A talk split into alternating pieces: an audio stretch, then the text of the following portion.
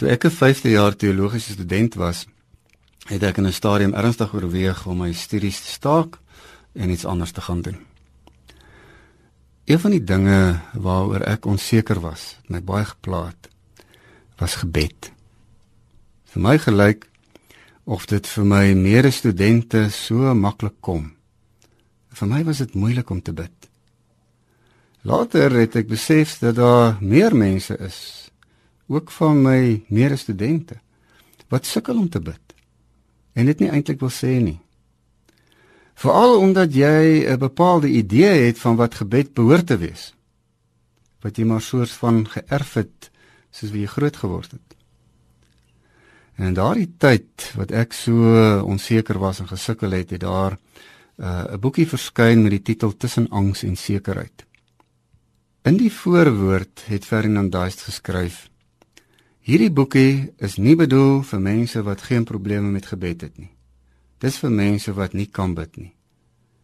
Al wil hulle ook. Dit was dus 'n boekie vir my. Die boek is later bekroon met die Andrew Murray Prys en ek sou uh, daaraan ook 'n baie groot prys wou toeken. Veral omdat dit uh, 'n mens help om van 'n klomp onnodige skuldgevoelens rondom gebed ontslae te raak. Dit is veral as jy die Gebedeboek van Israel en later die kerk, ek praat nou van die Psalmbundel in die Bybel, as jy dit neem en uh met aandag lees, dan sal jy agterkom dat gebed is dalk anders as wat jy gedink het. Gebed is dalk anders en meer as wat jy dink. Gebed is meer as die ritueel. Ons dink gebed is die paar rituele waarmee ons groot word.